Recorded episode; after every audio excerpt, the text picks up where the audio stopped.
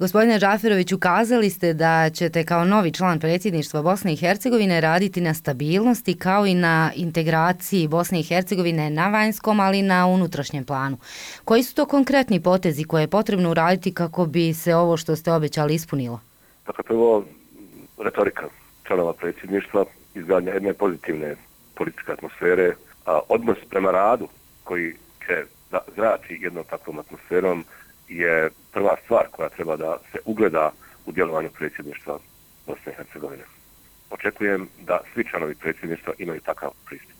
Da se stavi u stranu svađanočka retorika, da se skinu sa dnevnog reda bilo kakve destrukcije ili destruktivne aktivnosti prema Bosni i Hercegovine, a onda rad na konkretnim pitanjima. Kazao sam, dakle, stabilnost, ekonomske reforme i integraciju.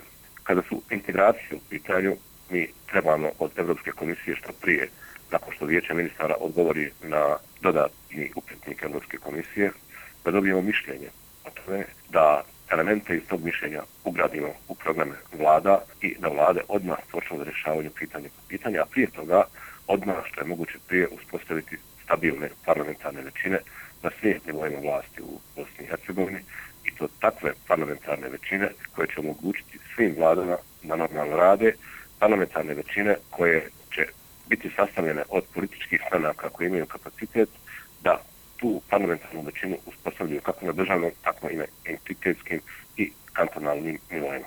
Dakle, to su neki konkretni potezi. Kada je u pitanju NATO, treba odmah, dakle, da vidimo šta je to što Bosna i Hercegovina treba da uradi u ovom trenutku kako bi se konačno do konca ove godine dobio taj prvi godišnji nacionalni plan za aktivaciju, za aktivaciju akcijnog plana za članstvo u NATO savezu, a treba nastaviti sve mjere od strane svih vlada u našoj zemlji na planu ekonomskih reformi. Više puta ste ponovili, a evo dijelimično i u odgovoru na prvo pitanje, da ćete od novoizabranih članova Bosansko-Hercegovačkog predsjedništva, tačnije vaših kolega, gospodina Komšića i Dodika, tražiti da se u predsjedništvu uspostavi normalna atmosfera i da se posvete dijalogu. Hoće li to, po vašem mišljenju i na koji način, biti moguće ako imamo u vidu do sada izrečene stavove nekih od izabranih članova predsjedništva? Dakle, ja mislim da je to jedini izlaz Dakle, ja sam do sada mnogo puta odgovarao na to pitanje, stalno mi to pitanje postavljaju i ja stalno odgovaram da je konstruktivna atmosfera, dakle, pozitivna politička klima, nešto što je neophodno potrebno našoj zemlji i nešto što je neophodno potrebno i onim političarima i onim politikama i onima koje te politike i te političari predstavljaju, koji su do sada imali destruktivne aktivnosti prema našoj zemlji, a destrukcija, dakle, tih političkih snaga u stvari osnovni izvor tenzija koje smo mi do sada, do sada imali. Ja se nadam da su ti političari i te politike shvatili konačno da Bosni i Hercegovine niti su naudili, niti će moći nauditi nikada u budućnosti, da samo bespotrebno gubimo vrijeme, da to nije niti u njihovom interesu, niti u interesu onih koje oni predstavljaju i da je dakle, jedini izlaz da idemo dalje, dakle da da rješavamo probleme koje se tiču svakodnevnog života ljudi, problema vezanog integracije i sve ono što, što je naš posao. A jeste li zabrinuti zbog e, izjava druga dva izabrana člana predsjedništva koje se odnose upravo na vanjske poslove Bosne i Hercegovine? Evo, gospodin Komšić je kazao da Bosna i Hercegovina ima mogućnost da tuži Hrvatsku. To je izazvalo buru reakcija već u Hrvatskoj zbog Pelješkog mosta. Gospodin Milorad Dodik da će pokrenuti inicijativu da Bosna i Hercegovina prizna Krim kao rusku teritoriju. Eh, reagovala je ukrajinska ambasada odmah. Jeste li zabrinuti zbog tih izjava? Dakle, to su dvije potpuno različite stvari. Kada je ova prva stvar u pitanju i odnosi sa Republikom Hrvatskom, Bosna i Hercegovina od Republike Hrvatske ne traži ništa što joj ne pripada.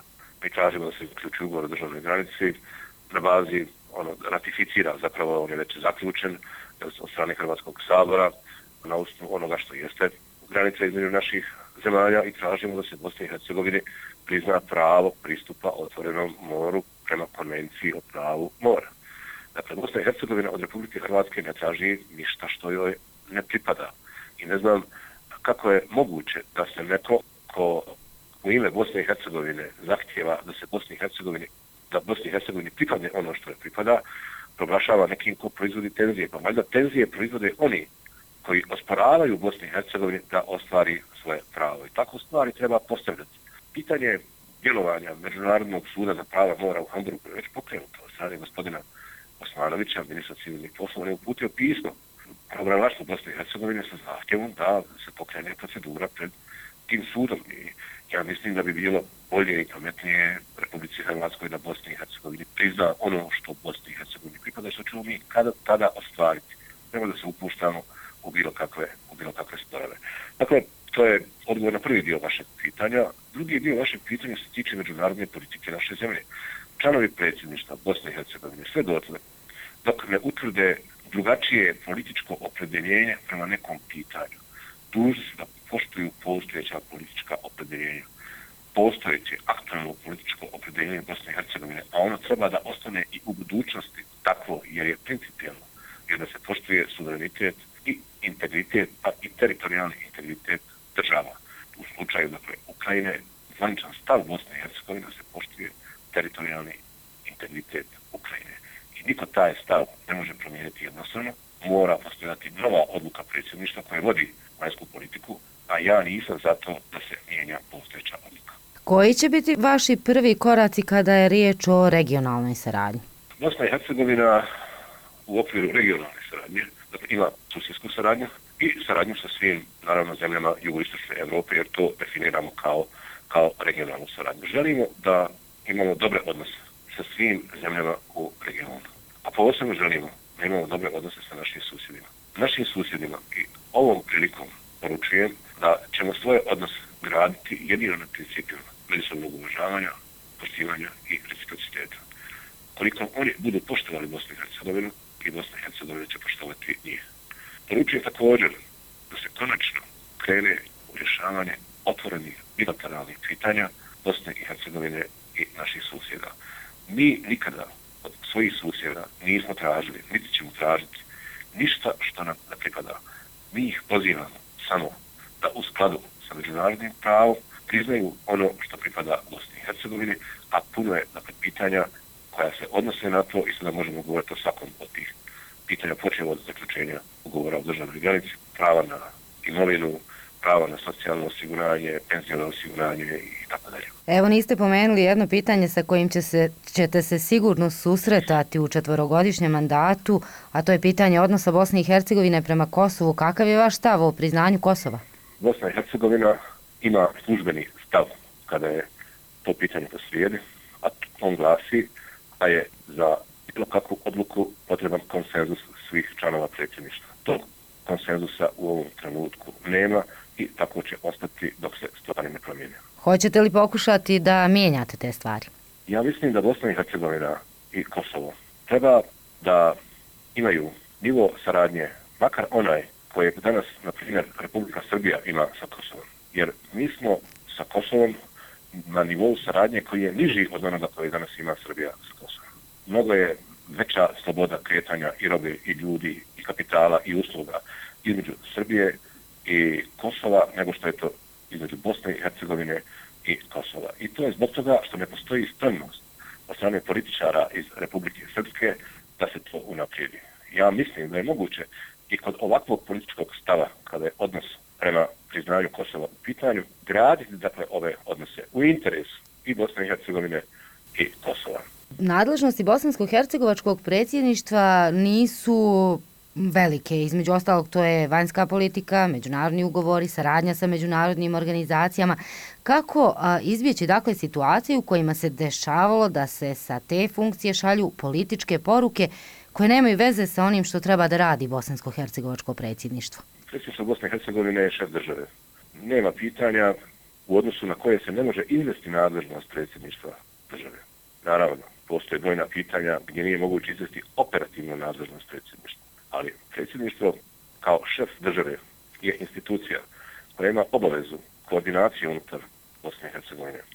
I nijedna izjava, stav ili bilo što drugo što bi došlo od predsjedništva Bosne i Hercegovine ne može, a da ne ostavi traga i da ne proizvede posljedice u cijeloj Bosni i Hercegovini, na sve nivoje vlasti u Bosni i Hercegovini i na sva pitanja, odnosno sve nadležnosti.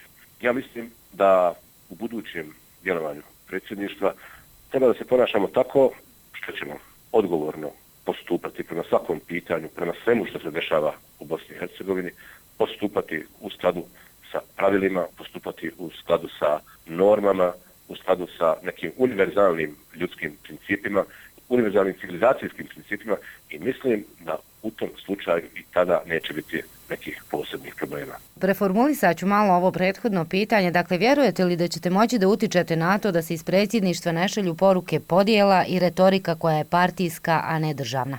Pitanje podijele i pitanje reintegracije, vrhunsko pitanje iz nadležnosti predsjedništva Bosne i Hercegovine prije svega.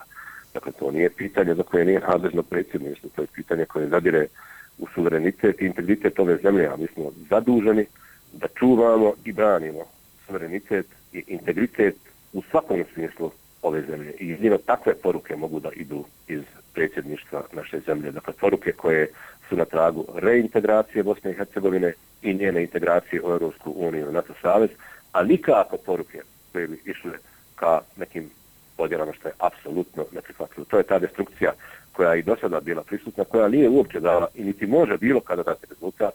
Ja ću se tome uvijek suprotstaviti prema tome, rekao sam jedan puta već, samo se bespotrebno gubi vrijeme i kvari politička klima u zemlji takvim izjavama. I savjetujem svima da ne poduzimaju i da niti izgovaraju takve izjave, niti poduzimaju u tom pravcu bilo kakve korake. Evo za kraj pitanje, kako u predsjedništvu Bosne i Hercegovine doći do konsenzusa, budući da to u prethodne četiri godine skoro pa da nismo imali, a to je najvažniji način na koji se donose odluke? Dakle, predsjedništvo Bosne i Hercegovine neke odluke donosi konsenzusom, neke većinskim dakle, odlučivanjem. Dobro je da se o svakom pitanju odluka donese saglasnošću svakih člana predsjedništva, to je najbolji način kada se najmanje tenzija proizvodi i ja očekujem, dakle, ukoliko svi članovi predsjedništva budu na tragu ovoga o čemu sam ja govorio, da ćemo mi onda jednostavnije dolaziti do konsenzusa po svim pitanjima. Gospodine Džafiroviću, hvala vam lijepo što ste govorili za Radio Slobodna Evropa. Hvala vam na pozivu.